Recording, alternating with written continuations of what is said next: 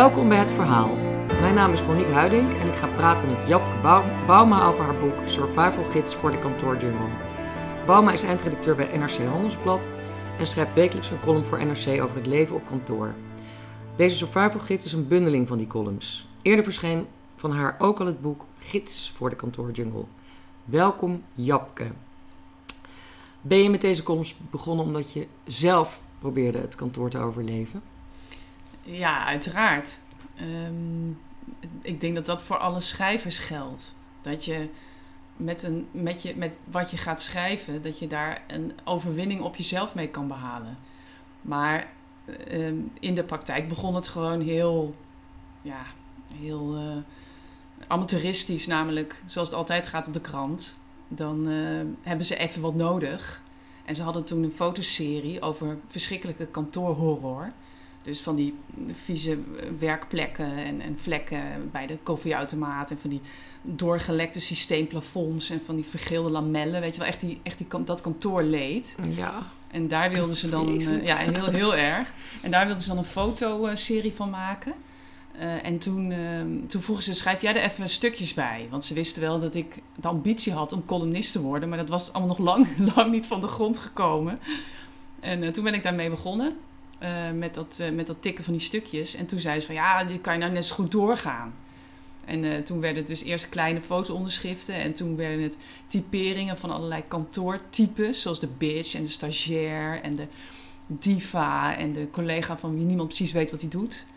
En en da- daar ging ik ook maar mee door. En toen zeiden ze van ja, als je er toch bezig bent, dan ga dan nog maar een seizoen door met Ja. kantoor. Dus op een gegeven moment toen zat ik het tot over mijn oren in. En toen was het eigenlijk ook wel stiekem een soort, eh, ja inderdaad, wat jij zegt, een soort manier om, eh, om zelf te overleven. Ja, want het is op, uiteindelijk, weet je wel, voor de meeste mensen die denken aan, aan een kantoor als, nou ja, gewoon de hel. Ja, dat is, het is ook ramp, zo. echt. Ja. Een verschrikkelijke plek waar je, waar je helemaal niet heen wilt. Iets, iets gruwelijks, een strafkamp. En, nou ja, je noemt het zelfs een jungle. Ja, Het is ook Ja. gewoon vergelijkbaar met een diergaarde.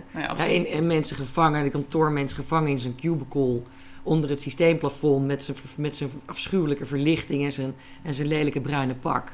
En maar de hele dag naar het computerscherm staren. ja, Of- tijd of, volmaken. of reek, dingetjes uitrekenen. Ja. Afschuwelijk. En maar wachten van, eh, tot het eindelijk Ja. vijf uur is. ja, nee, precies. En dat is ook. En, en, en, Maar en- vond jij dat ook? Ja, absoluut. Nou ja. Want de eh, liefde spat echt en het enthousiasme spat echt van elke pagina. Ja. En een hilarisch betoog van hoe leuk het wel niet op kantoor is. Ja, nou ja, wat, wat ik wel heel graag wilde, ehm, was. ehm, kijk, iedereen, wat, wat jij zegt, eh, iedereen vindt het verschrikkelijk en vindt het ook leuk om daar de hele dag over te klagen. Ja. En het leek mij nou zo leuk, dus het was ook wel een klein beetje een soort van rol die ik speelde. En, en zeker in die. ehm, ja, zeker in, in het boek eh, Survival Gids voor de kantoorjungle. Dus waarin ik die hysterische tips geef om te overleven. Die natuurlijk heel nergens op slaan. Ehm, was het een soort manier om, om, om overdreven hysterisch eh, dat kantoor te omarmen. Maar ik merkte dat ik dat eigenlijk zelf ook heel grappig vond. Maar ook eigenlijk best wel stiekem heel prettig om te doen. Want eh, voor ons bij NRC, en dat, dat herken ik ook, of dat krijg ik ook wel eh, terug van, van mijn concurrenten. Bij bijvoorbeeld Volkskrant Parool. Of ik ken natuurlijk heel veel journalisten. Ehm, die herkennen dat ook, dat het eigenlijk natuurlijk heel leuk is op kantoor. Dus wij maken hele geweldige dingen. Wij maken elke dag een krant. Nou ja, wat, wat is er leuker dan dat? Eh, en het is heel concreet wat we doen. Dus we maken een tastbaar ding die dan ook nog gedrukt wordt. Dus super ouderwets, hè? Oude, oude dode bomen media. En dat ligt dan elke dag bij ons op het bureau. En dan is het af.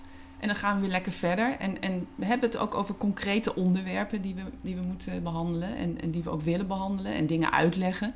Dus wij hebben het eigenlijk heel goed voor elkaar als journalisten. Ehm, Die op kantoor werken bedoel die op kantoor werken. Dus wij hebben Ja. dan die. Voor ons is het makkelijker, denk ik, om, om dat. Om het leuk te hebben. Nou, en ook om, om die verschrikkelijke dingen als een soort eh, romantiek te zien. Hè? Dus dan bijvoorbeeld, die, we hadden dan in, in Rotterdam, toen we daar nog zaten, de, de mooiste tijd van, van, eh, van mijn leven overigens. Eh, hoe lelijker het kantoor, hoe, hoe, Want hoe jullie zijn nu verhuisd naar Amsterdam, Ja, nu hè? zitten we. En we steeds altijd in Rotterdam. ja, nu zitten we helaas in Amsterdam, ja.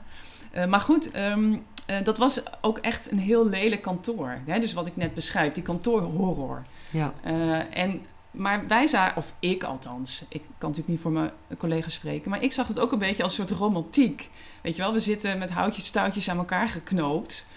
Uh, en elk moment kan het plafond naar beneden komen. Ik overdrijf nu weer een beetje, maar goed. Mm -hmm. um, en en dat, is ook, dat geeft ook wel weer een heel saamhorig uh, gevoel. Ja. Dus um, die, die, romantiek, dat, ik vond het ook gewoon leuk om op die manier over kantoor te schrijven. En, ik, en wij hebben het natuurlijk helemaal niet zo slecht voor elkaar. Want je bent eigenlijk een soort Frans de Waal van de kantoormens. of van het kantoorbiotoop. Ja, Want je bestudeert het echt en, en je beschrijft ook helemaal ja. dit en dat doet dit soort type. En, en weet je wel, nou, Frans de Waal natuurlijk de, de beroemde ja. bioloog die, eh, die de primatenkenner is. En, um, hè, dus je, je, maar je zit er ook zelf in. Ja. Frans de Waal is natuurlijk, die zit buiten het de jungle. Ja. Tenminste, die kijkt naar de apen. En, maar jij doet mee. Ja, maar uh, dat merk ik ook wel van heel veel schrijvers. Of tenminste, dat lees ik dan over schrijvers. Uh, dat de, de, meeste mensen die schrijven een beetje buiten uh, ja, buiten de groep staan of, ja. of, buiten het leven staan waarover ze schrijven. En dat lukt jou wel? Nou ja, ik, ik ben je natuurlijk ook... moet daar functioneren, je ja, hebt gewoon een baan. Jawel, tuurlijk. Ja. Maar goed, ik, ik ben ook wel een beetje iemand die, die dat, die dat observeert. Ik doe er wel aan mee natuurlijk, maar ik, ik merk ook wel dat ik... Ik heb ook wel veel geobserveerd. Dus het is niet zo van, ik ga er in een soort polonaise door die kantoorjungle en ondertussen schrijf ik die dingen. Ik, ik heb ook wel echt af en toe nagedacht over. En, en op een gegeven moment, als je het elke week doet. En ik ben, ben natuurlijk enorm geholpen, hè, ook door collega's die mij. Ja, want je krijgt ook vragen ja, en tips waarschijnlijk. Ja, ja, en, en ook, uh, ook letterlijke quotes of, of letterlijke ideeën of alinea's van, ja. van collega's opgestuurd gekregen. Um, en uh, dus, dus dat, daar maakte ik dan een soort ketting van. En, en, en in, uh, op een gegeven moment was dat zo'n groot snoer geworden dat, dat ik eigenlijk helemaal ook in een soort modus kwam van ja, inderdaad, van, van, van, die, van die onderzoeker die, die, die daar dan een soort semi-afstandelijk naar kijkt. Ja, want je hebt namelijk ook gewoon een heel helder en overzichtelijke hoofdstukindeling. ja, dat wilde mijn uitgever heel graag. Ik er een paar noemen. Lekker sociaal, dingen samen doen op kantoor. En dan volgen er vijf uh, subhoofdstukjes, of het zijn dan gewoon vijf columns over dat onderwerp. Ambitie en carrière in de, in de kantoorjungle. Privé en kantoor, heel spannend is dat. Reizen en vervoer mannen en vrouwen op kantoor, overleven in de kantoortuin. Ja, en gaat zo maar door. 18 hoofdstukken met steeds vier of vijf uh, stukjes met weer sub-hoofdstukjes. Dus die gaan over dat ene onderwerpje. Ja, ja. Kleding en uitrusting, eten, drinken en roken. nou, het is allemaal heel over. Ik had het allemaal helemaal prachtig even opzoeken wat je wilt weten over hoe je, hoe je dan die situaties moet overleven. Kerst, kerst en oud en nieuw, ook de horrortijd voor iedere kantoortijger. Um, dus, uh, maar wat ik me afvroeg, heb jij altijd alleen. Wat was, wat was je, heb je ooit bij een echt een commercieel bedrijf gewerkt? Ja, ja zeker. Want je bent econoom, hè? Je, ja, ik heb economie gestudeerd, gestudeerd in Groningen. Um, Want hoe was je, wat was jouw eerste kantoorervaring? Nou ja, daar gaat dus, daar gaat dus moet ik wel zeggen, uh, het meeste van, van mijn columns over. Ja, toch wel, hè? Ja, ja. Dus het is ook... Want het klinkt net alsof je bij een commercieel bedrijf ja, werkt. Ja, dat heb ik gedaan. Dat heb ik gedaan. En dat je, het klinkt niet alsof je op een redactie van de krant zit. In nee, ieder geval. nee, klopt. Maar okay. uh, daar kan ik nog twee dingen over zeggen. Eén, dus dat inderdaad de meeste dingen uh, uit die commerciële tijd komen. En wat dus was het voor bedrijf? Ik heb negen maanden heb ik het volgehouden. Ik zag het ook echt een beetje achteraf. Past alles mooi in elkaar. Zag ik het als een soort bevalling. uh, ik, ik heb negen maanden gewerkt bij een softwarebedrijf. Dat was nog in de jaren negentig. Uh, dan had je van die bedrijven die dan uh, beeld- en geluidsdragers, dus CD-ROMs bijvoorbeeld. En ze waren toen bezig met um, kaarten. Hoe noem je dat nou? Van die tom-tom-achtige dingen. Dus dan, maar dan offline. Dus nog niet met die satellieten dat je ook echt uh, hè, letterlijk ja. of real-time kon zien waar je was. Maar dan hadden ze, ze maakten dus atlassen en, en, en dat soort dingen. En wat was jouw functie? Geen flauw idee, Monique. ja, dus dat, dat was ook echt zo'n eerste baan. Ik had een ontzettend leuke baas, Jan heette die. En we hebben zoveel lol gemaakt. Maar ja, hij wilde dolgraag uh, dat ik dat ik daar kwam werken en dat ik allemaal bijvoorbeeld, ik moest offertes maken. Offertes voor een soort projectplan wat hij had bedacht. Dus hij wilde heel graag een telefooncentrale voor een buurt. Hij zei als mensen met elkaar kunnen bellen via een telefooncentrale, gratis, dan komt er een soort cohesie in de buurt. Hij was ook een soort Oh. semi-idealist. Dus hij had allemaal ideeën over wat dat bedrijf dan allemaal met die technologieachtige dingen die ze hadden ontwikkeld kon doen. En ik zat dan in een soort projectachtige groep eh, iets, maar ik was uiteindelijk de enige eigenlijk, samen met hem. En dan moest ik dus offertes maken. Dan moesten we bijvoorbeeld langs allemaal grote bouwbedrijven, dus lang BAM en eh, nou, hoe heet die, die dingen allemaal, die aan, Oh, grote ja. aannemersbedrijven. En dan moest ik dat, had ik dat opgeschreven, dus zijn idee van die idealistische buurtcentrale. Met de kosten. KPN moesten we heen, weet je wel, Oh ja. dat soort dingen. Met, en dan moest ik ook een kostenplan, inderdaad. Ja. Maar het komt allemaal weer terug. Het komt allemaal weer terug. Oh, ik krijg helemaal nog meer jeuk van. Hoe, hoe moeilijk het was en hoe uitzichtsloos. Hoe, hoe kom je zo'n hele dag door op Ja. kantoor... als je een vaag idee hebt van, van wat je nou precies moet doen. Dus ik, ik schreef maar gewoon teksten, want daar was ik voor opgeleid. Eh, en die offertes die waren dus allemaal heel leuk. En ik moest bijvoorbeeld ook een mission statement Ja. voor het bedrijf. Ja. En dan moest ik eh, zo'n brochure die ze dan naar, naar investeerders stuurden en, en aandeelhouders. Eh, dus dat deed ik. Dat, dat vond ik eigenlijk het leukste, want dat was het concreetste. Maar ik herinner me dus, mijn eerste kantoorervaring is dus een soort eh, aaneenschakeling van afschuwelijke momenten van wat, doe, wat moet ik hier nou eigenlijk doen? En, en eigenlijk het lichtpuntje was dan op een gegeven moment de koffie, want die was echt lekker. En, en, en dan dacht ik, oh, dan neem ik die koffie. En dan had ik zo'n witte grote beker. En dan zat ik achter mijn scherm. En, en dan dacht ik van, oh, dit, dit is in ieder geval een fijn moment. En mijn collega's waren ook heel aardig, hè. Dus dat, daar lag het helemaal Nee. aan. Maar ik wist, ik had gewoon totaal geen idee. En dat gevoel, eh, dat gevoel overschreeuwen... eh, en mensen proberen toch eh, op een soort hysterische manier op te porren... eh, om toch leuk te vinden, om toch iets van te maken. Weet je, dat, dat is wel heel erg. eh, Ja, eh, dat is... dat is heel erg het boek geworden. ja. En, en ehm, de tweede wat ik erover wilde zeggen was dat jij zegt, ja, je krijgt niet de indruk dat je bij een redactie werkt. Maar het grappige is, die dingen werken natuurlijk allemaal ook zo op een redactie.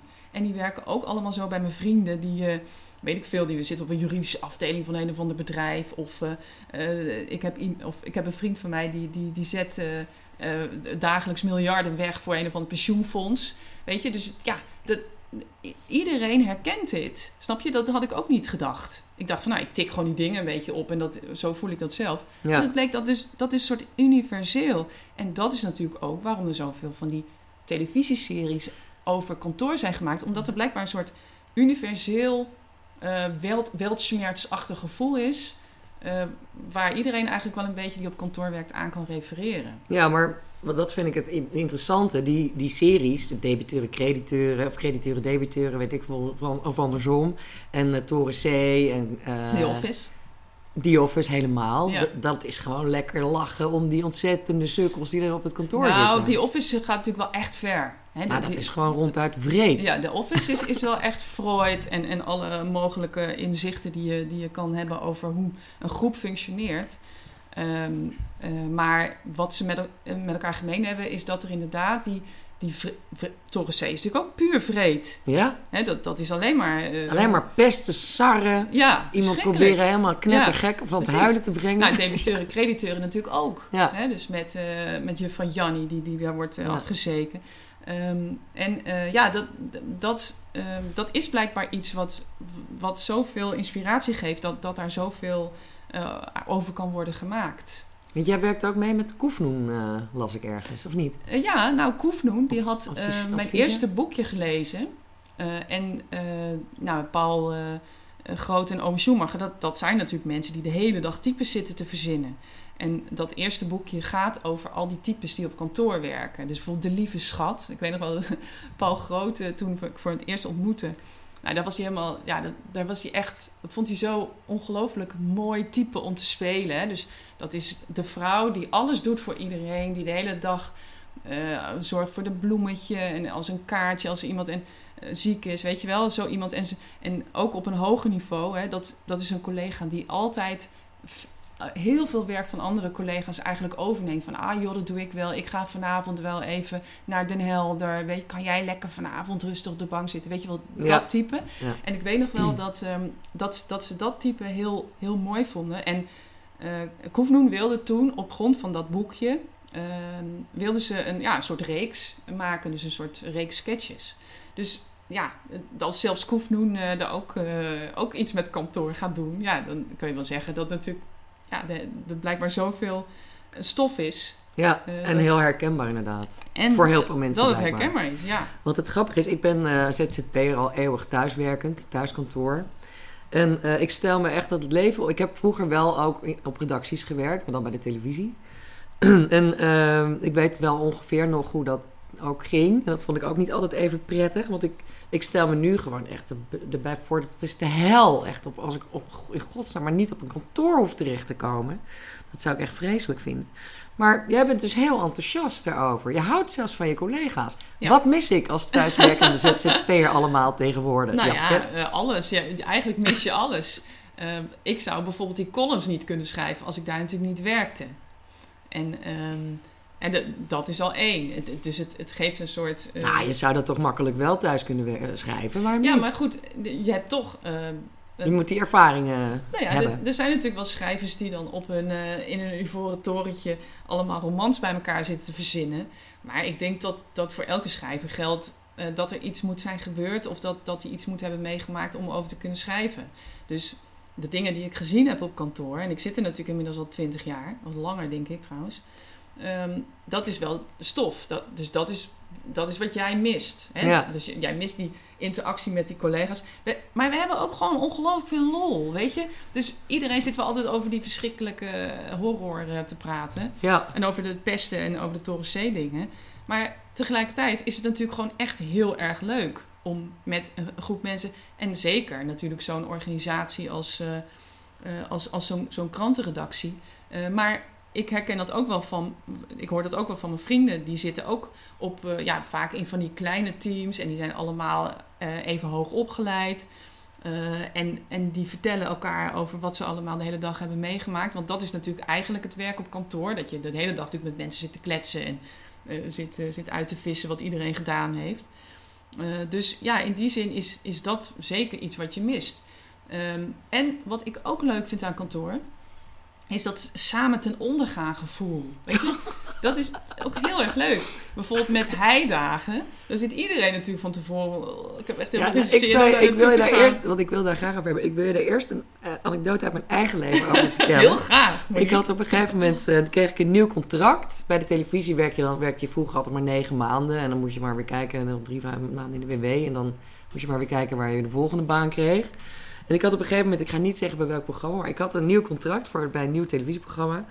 En toen bleek dat dat, dat, dat begon met drie heidagen. Toen heb ik het gewoon af. Ik heb het gewoon op het laatste moment gezegd, dan doe ik het niet. ik had al getekend. Dat nou, wat verschrikkelijk. Ja. Waarom doen mensen dat? Ja. Wat een onzin ook. Nou ja, dat, dat, ik moet zeggen, dat, ik heb ook aan veel mensen moeten uitleggen. Ik heb ooit bij een studentenvereniging gezeten in, in Groningen. En ik zeg niet welke. Uh, en, ik weet dat het staat op internet wel, oh, welke. shit. Nou, dan moeten mensen allemaal opzoeken. Ja, precies. Maar in ieder geval, dan moet je ontgroend worden. Ja. en ik weet nog wel dat ik... Ja, iedereen vindt dat toch heel interessant, hè? Altijd achter, later. Bijvoorbeeld, de, ja, toen ik... Um, bij NSC kwam en dan hadden we het natuurlijk weer over, over die studentenverenigingen. Maar mensen willen, vinden ze allemaal belachelijk. Hè? Dat je, hoezo moet je ontgroend worden? Ja, dat schept een band. Ja, maar um, tegelijkertijd vinden mensen het ook eigenlijk wel heel interessant om het toch te weten. Uh, en wat ik er toen heel leuk aan vond, ik heb door die ontgroening heb je binnen no time in de gaten wie, wie je moet hebben en wie je niet moet hebben. Hè? Mensen vallen enorm door de mand of mensen blijken ineens heel erg leuk te zijn in tijden van, van ellende en gezamenlijk doorgemaakt leed. Uh, en dat is ook met die heidagen zo. Het is natuurlijk heel grappig om dan te zien dat die, die, die collega met die grote bek, dat hij totaal niks bakt uh, van, uh, ik noem maar wat, het in elkaar vlechten van een, uh, van een, van een takken om, om over, de, over het water te komen. Of dat je eigen manager eigenlijk blijkt dat hij helemaal niet zo goed kan delegeren en leiding geven. Of überhaupt eigenlijk helemaal geen idee heeft en heel erg gefrustreerd raakt. Maar ook gewoon de leuke dingen die je daardoor meemaakt. Hè? De humor die dan loskomt. Um, en de grappen die je daar weer over kan maken. Dus ja, ik vrees ook dat ik natuurlijk gewoon een positief ingesteld persoon ben. Dus dat, dat moet ik dan wel als denk, nou, waarschuwing gaan we, we gaan er weer, weer wat van ja, maken. Ik zie daar gewoon wel uh, de humor in. Overigens vind ik mezelf nou ook weer niet zo heel erg overdreven positief of zo hoor. ik, ik zie daar gewoon de grap van in. Net zoals Ja. ik Blackadder heel erg geweldig leuk vind. En Seinfeld. Die, Seinfeld gaat natuurlijk ook over de ellende van, van 30, tussen 30 en 40 zijn. En, en de wereld die over je heen dondert. Ja, Ehm, en daar dan grappen over maken. Dat is ook gewoon volgens mij de enige manier om dat te overleven. Ehm, plus dus dat daar dan een voordeel aan zit. Dat je je collega's gewoon heel goed leert kennen. ja. Ik ga je even vragen een stuk, eh, gewoon één hele column voor te lezen. Want dan hebben de mensen meteen in de gaten op wat voor manier je schrijft, mochten ze dat nog niet weten. Dit, heeft, dit komt uit het hoofdstukje Eh, ambitie, denk ik. Dit hoort, hoort volgens mij bij, bij ambitie en carrière. Am- ambitie en carrière in de kantoorjungle. En het hoofdstukje van de column eigenlijk heet profileren. Ja, dus het gaat erom eh, hoe, je, hoe je vooruit komt. Hè? Dus hoe je, hoe je opvalt. Ja. Ik hoor vaak van collega's dat niemand op kantoor lijkt te zien hoe belangrijk ze zijn. Dat ze nachten doorhalen, dat ze op hun laatste randje tandvlees het bedrijf redden, maar dat het op het moment supreme niemand staat te applaudisseren. Sterker nog, dat er dan een stilte volgt of erger, dat de baas vraagt: Jij had toch even niks te doen? Knettergek worden ze daarvan. Niet gek dus dat mensen me dikwijls vragen: hoe profileer ik me in de kantoorjungle? Zelf heb ik jaren gedacht dat je stinkende best doen genoeg was. Maar dat is dus een van de grootste misverstanden in het hele kantoorgebeuren. Ook al ben je van levensbelang en werk je 10.000 keer de pestpokken, als niemand anders dit ook vindt, besta je niet. En daarom is het van belang dat je zichtbaar wordt, dat het gezien wordt wat je doet. Wat daarvoor goed werkt, is rondlopen. Even een rondje over de velden. Het belang van rondlopen kan nauwelijks worden overschat. Rondlopen laat zien: ik doe iets, ik ben ergens naar op weg, ik ben er, ik loop en jij zit, ik loop op jou voor. Rondlopen doet het voor je. Zorg daarbij wel altijd voor een loopdossier. Dat is een grote map met papieren erin en gele briefjes die overal uitsteken. Die laat zien: ik loop hier niet zomaar, ik heb iets in mijn handen. Ik ben ergens mee bezig. Het mooiste is als je loopje uitmondt in een power moment. Een zichtbare ontmoeting met een leidinggevende. Ga daarom achter de kantoorplan staan wachten tot een belangrijke vergadering is afgelopen en voeg je dan in het groepje en loop lachend mee. Op die manier ben je al top of mind zonder ook maar één aanwijsbare prestatie. Maar het allerbeste werkt natuurlijk iets zeggen. Dingen over iets zeggen in een groepje. Het lijkt misschien gek, maar juist als je denkt: wat een onzin, ik heb niks te zeggen, juist dan ga je iets zeggen. Agendeer bij voorkeur een voor de hand liggend probleem waar je niet over gaat. Of iets wat je net hebt opgelost zonder dat men dat weet en zeg dan na een tijdje moeilijk doen dat je het gaat oplossen. Wat ook goed werkt, kritisch doen over onderwerpen waar de lul van sales over gaat. Of ongevraagd strategische visies inleveren over onderwerpen die niet echt een probleem zijn. Debiteer daarbij steeds eenvoudige metaforen uit de sport of het dierenrijk, kantoorjungle. Je hoeft er niet in te geloven, maar straal in elk geval voortdurend uit: ik weet wat deze organisatie nodig heeft. En als dat allemaal niet werkt, zeg het dan gewoon zelf af en toe hardop. Wat heb ik dit toch goed gedaan? Wat een parel ben ik. Bij voorkeur thuis, als je de vaatwasser inruimt of de was ophangt. Het voordeel daarvan, niemand kan je zien huilen. En tegen je collega's kun je de volgende dag zeggen dat je harde werk niet onopgemerkt is gebleven. Wat een drama, die arme mensen. Ja, dat Eh, wel, eh, Je hebt het heel vaak over de lul van sales. Wat is dat voor type? De lul, Eh, de oh, lul van sales. Nou, er, staat, eh, er staat wel ergens een apart kadertje over de lul van sales eh, in. Ehm, dat is een, ehm, ja, ik denk toch wel meestal een man, maar het kan ook, ja, het kan ook een vrouw zijn, maar meestal een man die veel te veel verdient, eh, die net iets te dik is. Hè, dus die altijd met, die, met dat pak, wat dan een beetje zo, zo, zo ja, een beetje het Bert Koenders eh, effect qua pak, zeg maar. Eh, en eh, die hele grote auto rijdt, die die vaak dan via een of andere reclamedeal heeft, mag die dat dan rijden. Ehm, en die de hele dag vergaderingen heeft, ook veel buiten de deur lunchen, dus dan is hij er niet. Het voordeel van de lul van sales is dat je er dus de hele dag over kan klagen. En omdat hij er zo weinig is, heb je ook altijd een plek op zijn kantoor waar je even rustig kan bellen. Dus dat is de, dat is de lul van sales. Oké. En eh, wat ook opvalt, je hebt het ook ontzettend vaak over kroketten. En hè, dus je verzint dan, je geeft dan altijd, je, je, eigenlijk iedere keer benoem je of omschrijf je een probleem of een klacht. Hè, dat is van allerlei verschillende soorten en, en aard. En dan heb je ook altijd een soort oplossing erbij, waarbij er heel vaak een kroket wordt gegeten. Ja, Wat is het belang van kroketten op kantoor? nou, kroketten is dan ook wel weer een beetje dat saamhorigheidsidee. of is dat in de bedrijfskantine dat je nou ja, ja, maar dat komt, dat komt wel heel erg van ons vorige gebouw in Rotterdam, waar ik de warme gevoelens bij heb, wat ik net al zei. Ja.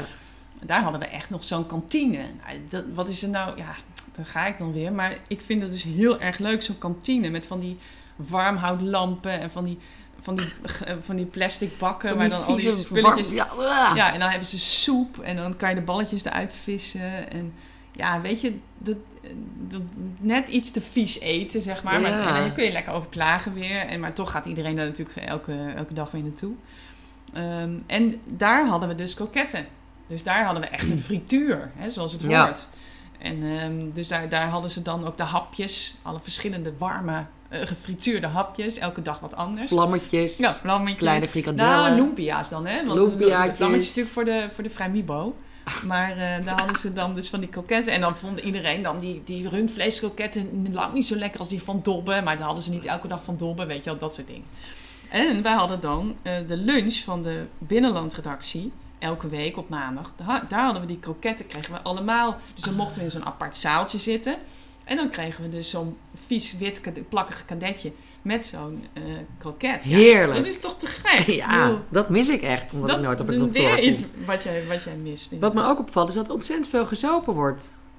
Nou, ik hou wel heel erg van die Madman-achtige kantoren. Dus daar schrijf ik op een gegeven Maar moment dat mag niet meer, hè? Je mag niet meer Nee. overdag of tijdens kantooruren drinken. Nee.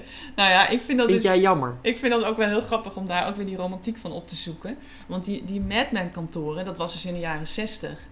En eh, dan was het dus heel... Ja, ik weet niet of jij Madman eh, Ja, die, hebt. die, die Wie beginnen niet? met de ochtend Ja, eh, nou, precies. En waarom niet, de weet je wel? hele dag drinken. Waarom niet? En dan is dan op een gegeven moment... Is Maar er die worden ook wel dronken. Ja, precies. Maar dat, dat is natuurlijk allemaal heel leuk. En, en dan krijg je allemaal hele dramatische beslissingen... die dan allemaal weer goed moeten dom. worden. Dan heb je dus een grootste meeslepend kantoorleven. Ja, dat is wel Maar, eh, maar goed, ja, dat is dus op een gegeven moment is dan het idee heeft postgevat, het Calvinistische eh, idee in Nederland, van ja, je moet dan toch eh, een, een- neutraal zijn en je moet nuchter zijn als je beslissingen neemt en dus ook gezond voor lichaam. Terwijl ik dan denk van ja, de enige plek waar je neutraal en nuchter en, en gezond voor lichaam is misschien op de redactie van de correspondent of zo, weet je wel. Daar is het wel handig als je, als je dat allemaal hebt. De correspondent, dat is een... eh, De correspondent komt ook wel vaak terug. die komt vaak terug als eigenlijk een soort anti-climaxerig dingetje. Of iets waar je zeker niet moet zitten. Nee, dat is Want dat komt omdat... eh, dat is een, een, eh, van de oud-hoofdredacteur van NRC Next. Ja, dat is wel Heet hij ook weer Rob Wijnberg?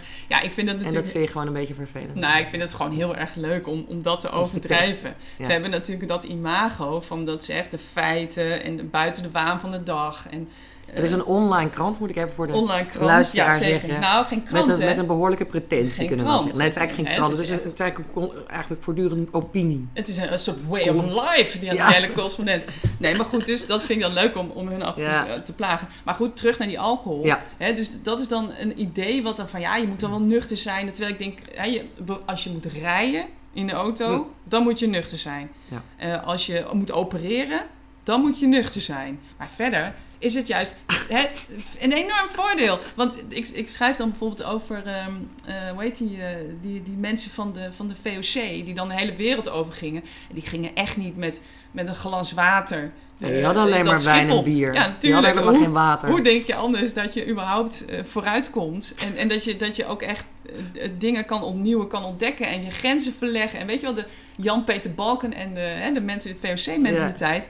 Dat gaat echt niet met water. Dat gaat gewoon een flinke fles eh, jaaien mee. En dan, en dan zie je wel waar je uitkomt. En dat gevoel is natuurlijk ook in zo'n kantoor ehm, echt wel heel handig om er nog wat groots en meeslepends van te maken. Dus ik, ik spreek in mijn, in mijn boek eh, ook wel, ja... Je wel- pleit voor de terugkeer van alcohol op de werkvloer. nou, wat ik er lekker vind. Want, oh ja, dat is ook weer zoiets. Je mag dan op kantoor wel drinken op vrijdagmiddag. Ja. Terwijl het een hele onhandige tijd is. Want dan ben je De hartstikke moe. De Hè, dan- vrijdagmiddagborrel. Ja, de vrijdagmiddagborrel. Ja. Dan ben je hartstikke moe. Eh, dan heb je de hele week al, eh, s ochtends, elke ochtend om half zes opgestaan. En dan kom je op je nuchtere maag vaak, kom je op zo'n vrij mibo, want je hebt nog niet gegeten natuurlijk. Eh, en, dan, en dan mag het ineens wel. Dus dan gaan mensen natuurlijk veel te veel drinken. En dan eindig je natuurlijk weer achter de Ronald Reynolds met de lul van sales, weet je wel. Dus dan zeg ik van jongens, laten we nou een beetje, beetje eh, faceren over die kantoordag. Hè, s ochtends om 11 uur een glaas champagne. Hartstikke, hartstikke fijn. Eh, natuurlijk. En, nou ja, dat, Voor de inspiratie. nou ja, gewoon. En dan een kroketje. Misschien kom je wel weer eens ergens En anders dan een uit. En, Ja. ja. Ja, ja, nou, nou, ik, eh, ik heb er van dat soort restricties heb dus ik niet. geen last. ik kan de hele dag doordrinken. Ehm, wat ook een heel belangrijke drank is, is koffie. Ja, koffie. En met name eigenlijk, vooral gaat het over de koffieautomaat. ja, koffie. Want dat is gewoon een cliché, weet je wel. Dat weet iedereen. Als je eh, op kantoor werkt of waar dan ook. Bij de koffieautomaat worden de roddels verteld. Ja, nou, roddels. Het is natuurlijk echt... Of de beslissingen genomen. Nou ja, de, koffieautomaat is, is waar alles gebeurt. Dus, dus, eh, Alles. nou ja, de- wat jij zegt. eh, over die beslissingen nemen. Je, je hebt dan zogenaamd vergaderingen. Ik, ik schrijf ook wel veel over vergaderen. Ja. Je hebt dan zogenaamd een vergadering waar dan beslissingen worden genomen. Nou, dat is natuurlijk gewoon theater. Dat is natuurlijk, het gebeurt helemaal niet in die vergadering. Dat denken heel veel mensen. maar Het dat gebeurt bij de koffieautomaat. Precies, dat gebeurt daar. En waarom? Omdat iedereen daar komt. Want je hebt bijvoorbeeld de kantine. Daar gaan dan meestal nog mensen van dezelfde afdeling bij elkaar zitten. En dan ga je niet zomaar bij de baas zitten natuurlijk. Hè? Ja. Eh, en de rookplek. Ik, overigens pleit ik ook voor, voor dat je echt moet, als je onzeker bent in de kantoorjungle, moet je gaan roken. Want dan kom je op die, kant, op die plek waar iedereen staat te roken, kom je ook iedereen tegen. Ja. Maar dat is een apart slag. Rokers is een, is een apart, een apart slag. Want? Ja, dat is weer een heel verhaal. Dat moet je, maar, moet je maar nalezen. Ja. Maar eh, die koffieautomaat, daar komt natuurlijk iedereen. En het is ook een soort, het neutraliseert heel erg die koffieautomaat. Alsof je veel meer dingen kan zeggen bij die koffieautomaat dan gewoon op de gang. Dus bijvoorbeeld, ik heb wel eens meegemaakt dat dan bijvoorbeeld de stagiair tegen de directeur zei van... hé, hey, je gulp staat open. Weet je? Oh. En dat zeg je niet in een vergadering. Natuurlijk al helemaal niet in een vergadering. Maar ook niet zo in de gang van hé, hey, je gulp staat open. Maar blijkbaar is die Intieme. nou ja, het is, een soort, het is een soort de, koffieautomaat. Het is ook weer een beetje dat gedeelde gevoel van hier vind je die troost, hier vind je die, die warmte, die, die oppeppende eh, koffie, cafeïnegevoel. En, je, en, eh, en daar kan je dan een beetje zo'n zo'n sfeer creëren van ik vertel wat er gebeurd is, heb je nog iets gehoord? En wat ze zeggen, ja, geroddel bij de koffieautomaat. Het gaat natuurlijk veel verder dan dat. Ik schrijf in mijn boek echt, mijn eerste boek ook echt, dat was mijn allereerste stukje. De koffieautomaat is echt de oermoeder van de kantoorschepping. Dus dat is echt als alles, als een soort atoomaanval komt of zo, weet je wel, dat over 4000 jaar vinden ze dan onze beschaving tussen aanhalingstekens terug. En dan krijg je dan van die, van die mensen die dat gaan bestuderen. Eh, dan, dan zal, eh, die, zal alles weg zijn van, eh, verdwenen zijn van de kantoor. Maar dat, die koffieautomaat, die zal nog bestaan. Weet je, dat is, het, dat is het enige wat we nog over ve- 50, 300, 5000 jaar. eh, Als we nog met kant, we zijn natuurlijk, dan bestaan kantoren ook nog. Hè, daar schrijf ik ook iets over in mijn, eh, in mijn boek. Maar die koffieautomaat zal er dan nog steeds zijn. Oké. Of je bedoelt letterlijk? Nou ja, dat is dan misschien heeft een ander vormpje of het, heeft, het ziet er anders uit. Net als de dorpspomp. Nou ja, vroeger was er natuurlijk ook een mevrouw die kwam langs met die koffie. Ja. Dus dat was toen de, de koffieautomaat. Ja, dat klinkt nou een beetje denigrerend, maar dat was toen het, het koffie eh, Moment. uitdeelpunt. Ja. En, eh, toen, en nu is dat die koffieautomaat. Dus ik weet natuurlijk niet hoe dat er over 4000 jaar uitziet. Nee. Maar dat, dat gevoel, dat moment, die plek, dat zal er nog zijn. Oké. Ehm, eventjes over de baas. De baas is natuurlijk altijd een hartstikke boeiende figuur. Jij geeft voorbeelden van hoe een, een goede baas, wat een goede baas is. Want die moet bijvoorbeeld je eh, bereid zijn om je zomaar uit het niets ineens helemaal de huid vol te schelden. Why? Eh, nou, ehm, ja, ik schrijf wel veel over. Dat is wel een heel, heel verhaal hoor. dat Wat ik allemaal over die baas. eh, wat ik allemaal over die Vertel het baas. even kort. Wat ik over die baas vind. Ehm, ik denk dat het belangrijkste van de baas is dat hij het nooit goed doet. Dus de baas is ook een soort eh, kop van jut figuur. Voor de, voor de eh, Ja. ondergeschikte. Ja, dus eh, dat, dat is heel nodig om iemand te hebben, een soort gedeelde vijand, hè, om over te klagen. En hij doet het niet goed. En als die maar wat beter zou zijn, dan zouden we, weet je wel, dat, is natuurlijk, ja, dat is net zo als klagen over je ouders. Hè, want mijn ouders die hebben vroeger me niet, ik zeg maar wat, me, me- me nooit eh, meegenomen naar een museum. En daarom weet ik nu niks over cultuur. Ik zeg maar wat. Ja. Dan denk ik, joh, eh, trap on die hol. Het is gewoon Want je kan zelf ook naar het museum gaan. Weet je, Ja. je hoeft niet alles aan je ouders te wijten. Een slechte opvoeding of een slechte jeugd. Ja, deal with it, weet je. Tuurlijk kan je dat zeggen. Maar je kan niet tot in lengte van dagen dat als excuus aanvoeren. Behalve natuurlijk als het heel erg is. Hè? Dat laat ik het even zeggen. Maar dat is ook bij die baas zo. Mensen die gaan zelden op kantoor echt naar zichzelf kijken. Van ja, do- doe ik het eigenlijk wel goed? En kan ik niet wat harder lopen? Nee, ze gaan natuurlijk liever klagen over dat de baas zo slecht is. Dus mijn conclusie is een beetje... ehm, die baas doet het nooit goed. En je komt er altijd pas achter hoe goed die baas was als die weg is, bijvoorbeeld. Als je een Dan nieuwe krijg je baas een nieuwe baas. Ja. En dan denk je van, jezus, weet je wel.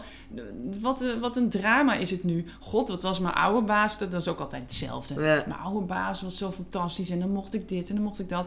En, en dat, is, dat hoort er ook heel erg bij. Maar waarom moet hij... Nou, je zegt op een gegeven moment, hij moet heel onvoorspelbaar zijn. de- eh, ik vind het dan, ik denk dan dat het gewoon heel prettig is. Kijk, als je toch al een beetje die, die status hebt van totaal eh, eh, slecht en, en iedereen klaagt erover, dan, hè, dat is natuurlijk een beetje ook mijn stijlfiguur. Dan gaan we ook gewoon even opschakelen. Dan mag die baas natuurlijk ook een soort mythische proporties krijgen. Dus dan mag het inderdaad echt een soort totaal onvoors- onvoorspelbare orakel worden die de ene dag eh, je geweldig vindt en de volgende dag ineens niet. Weet je, dan heb je ook weer die samen, dan is je baas eigenlijk een soort samenbindende factor voor de ondergeschikte. Ja, Dus ik denk dat je dat, je dat bedoelt. Ja, je, je haalt nu één zinnetje Ja, uit die, uit die tuurlijk, column over hoe, uit hoe kleurrijk zo'n baas moet zijn. Eh, ik vind bijvoorbeeld ook een baas moet hele goede, hij moet sowieso vet knap zijn. Dat vind ik echt wel fijn. Weet je, dat je Een gewoon een baas, baas. hebt om of, te zien. Of een vrouw, natuurlijk. Want in, Ja. mijn boeken is dat allemaal... Ja, hè, of nou man of vrouw, dat weet je wel. Ehm, eh, vet knap. Dus dat, weet je, maar dat moet- mooi, zeg maar uiterlijk Ja, of, of intelligent? Ja, ook Qua natuurlijk. Ja. ja. maar ook gewoon een, goed- een beetje zo'n Ryan Gosling-achtige figuur... die dan eh, de baas is. Of een beetje Clint Eastwood-achtig. Ehm, eh, Robert Redford, weet je, dat een beetje van die, van die echte knappe, charismatische types. Eh, of eh, eh, Angelina Jolie-achtige eh, vrouwen. Eh, en dat, dat is gewoon fijn, hoort ook een beetje bij die mythische, mythische figuur eh, Ja. eh, die, die, die, die dat schept. Dan is iedereen al sowieso onder de indruk van hun uiterlijk. Precies, en ook Ja. gewoon goede dingen doen. Bijvoorbeeld in vrije tijd weeshuizen bouwen in Roemenië bijvoorbeeld, weet je. Of, of een hondenopvang in, pff, noem eens wat, weet je. Ja. En, en, en, en, en dat soort dingen. Dat je echt een beetje zo'n figuur hebt. Dat je denkt van wow, dit is echt... hè, dit is geen baas meer. Dit is een instituut. Of dit is echt een... Nou ja, dat. Een echte baas, zoals we dat willen zeggen over sportfiguren. De meeste mensen zijn natuurlijk niet echt... eh, de, de meeste mensen zijn geen goede baas. Nee, Nee, want ik, ja, ik, heb, ik heb nou zelden dat ik echt denk van ja... je bent zo knap als George Clooney. Dat ook wel. hè. Nou, ja, Dat is toch een nou, hoge ik- eis mijn, ook. Mijn hoofdredacteur is vet knap, hè? Echt? Oh, ja, dat moet je nou wel zeggen, want misschien hoort hij dit. Ja, hij luistert mee. Hé, maar even iets anders. Ehm, mannen en vrouwen op kantoor, daar schrijf je ook veel over. En eh, mijn indruk is altijd dat vrouwen meer werk verzetten dan mannen. En dat mannen heel, goed, heel erg de indruk wekken dat ze werken. Heb ik dat goed? Eh, Ja, zo simpel is omdat het ook je, weer niet. omdat maar- je mijn boek gelezen hebt? Of nee, omdat dat je is, dat zelf dat is vindt? uit eigen ervaring. Ja, nou ja, dat, kijk, voordat we natuurlijk weer alle Asjent en Broekes eh, op onze nek hebben... en beschuldigd worden van Ja. eh, seksisme. Maar dat moet dan maar. Er zijn wel bepaalde dingen die wel echt een verschil zijn... tussen mannen en vrouwen in de kantoorjungle. Ja, ik heb ook hele bescheiden mannen, hè? Eh, Bij Ja, mij op kantoor. Ja. En ik heb verschrikkelijke bitches, vrouwen... Ja, eh, hè, dus dat even voor, vooraf. Hè? nee, heel goed. Maar Wat ik meteen. merk, is dat mannen wel vaker eh, er veel over vertellen. Ja, Wat de ze allemaal- Ja. dat ze veel werken. Ja, en ook, nou ja, en ook wel echt Praten. praten uitleggen, en, en, opscheppen. en wat ik had. En, en hè, dus de, echt van die grote verhalen ook. Hè, Ja. dat, dat, en met veel volume. Hè, dus dan echt dat je denkt van, joh, eh, ik ben even aan het werk. Maar dan staat verderop staat dan iemand een enorm verhaal op te steken over hoe die dan Ja. een bepaalde bron wist te strikken voor, weet je wel, dat soort dingen. Eh, en dat zijn dus wel vaker mannen dan vrouwen. Ja. Ja. Eh, mannen kunnen ook veel minder goed kritiek velen. Vrouwen die schieten veel eerder in de stand van... oh, sorry, oh, sorry, Ja. heb ik niet goed gedaan. Oh, sorry, heb ik niet goed gedaan.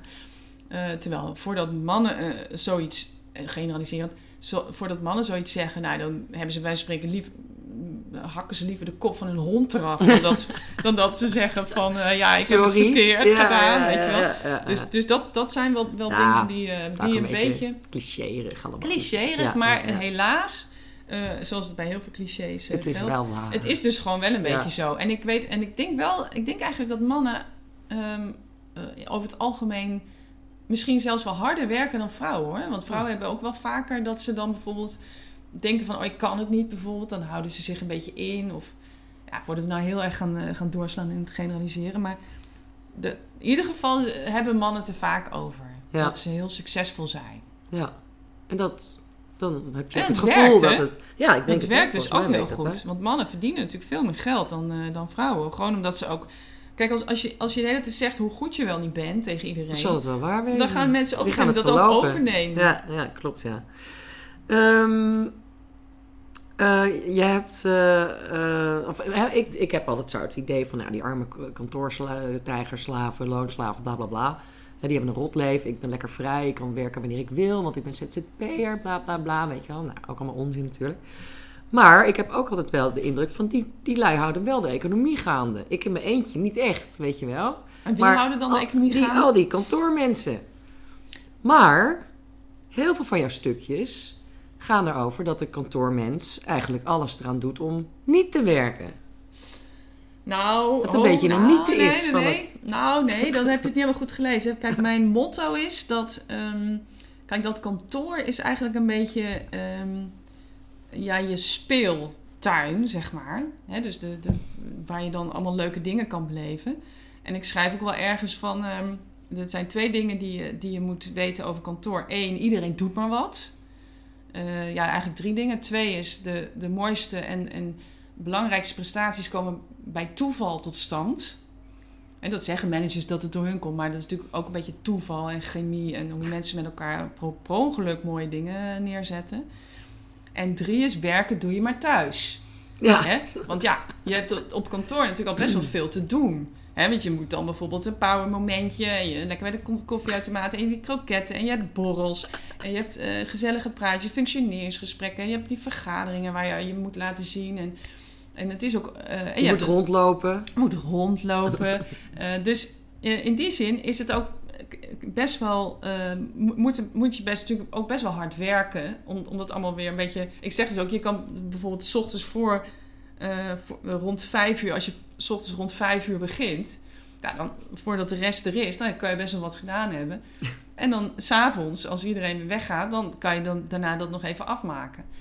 Eh, dus ik schrijf zeker niet eh, dat, dat iedereen eh, de kantjes er vanaf moet lopen of zo. Of dat, dat er niet gewerkt wordt. Ik zeg alleen dat, dat het niet op Dat het werk iets anders is dan 9 wij tot ons daarbij 5 voor. mentaliteit. Ja, Ik moet lachen, zeggen mensen, ja, we willen liever geen collega's met 9 tot 5 mentaliteit. Terwijl ik dan denk, dat is juist wel handig, want dan zijn de meeste mensen er. ja, De meeste mensen zijn er van 9 tot 5. Dus wel handig als je die mentaliteit dan hebt. zeker. Eh, maar goed, dus dat is ehm, eh, het, het, het, het misverstand is, moet zeker niet postvatten dat ik vind dat iedereen daar een beetje niks loopt te doen de hele dag op kantoor.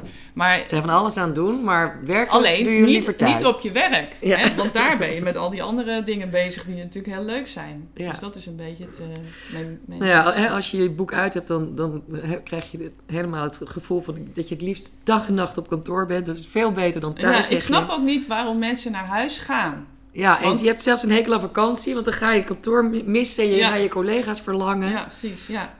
En eh, mijn, mijn laatste vraag aan je is dan ook. eh, ik weet dat je bezig bent met een volgend boek. Gaat het weer over de kantoorjungle?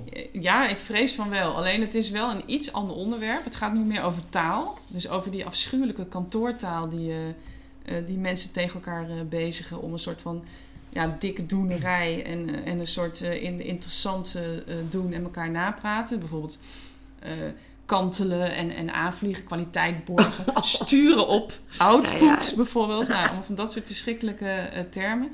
Eh, en, en daar ben ik de afgelopen, het afgelopen jaar mee bezig geweest, elke week. En dat wordt nu weer een eh, Een boekje boek. wat, ja, Ja. helaas ook weer over kantoor. Ik Nou, denk dat ik is gewoon leuk, doorga. Het is wel een goed onderwerp. Dank je voor dit gesprek. Ik sprak met Japke Bauma over haar boek Survival Gids voor de kantoorjungle.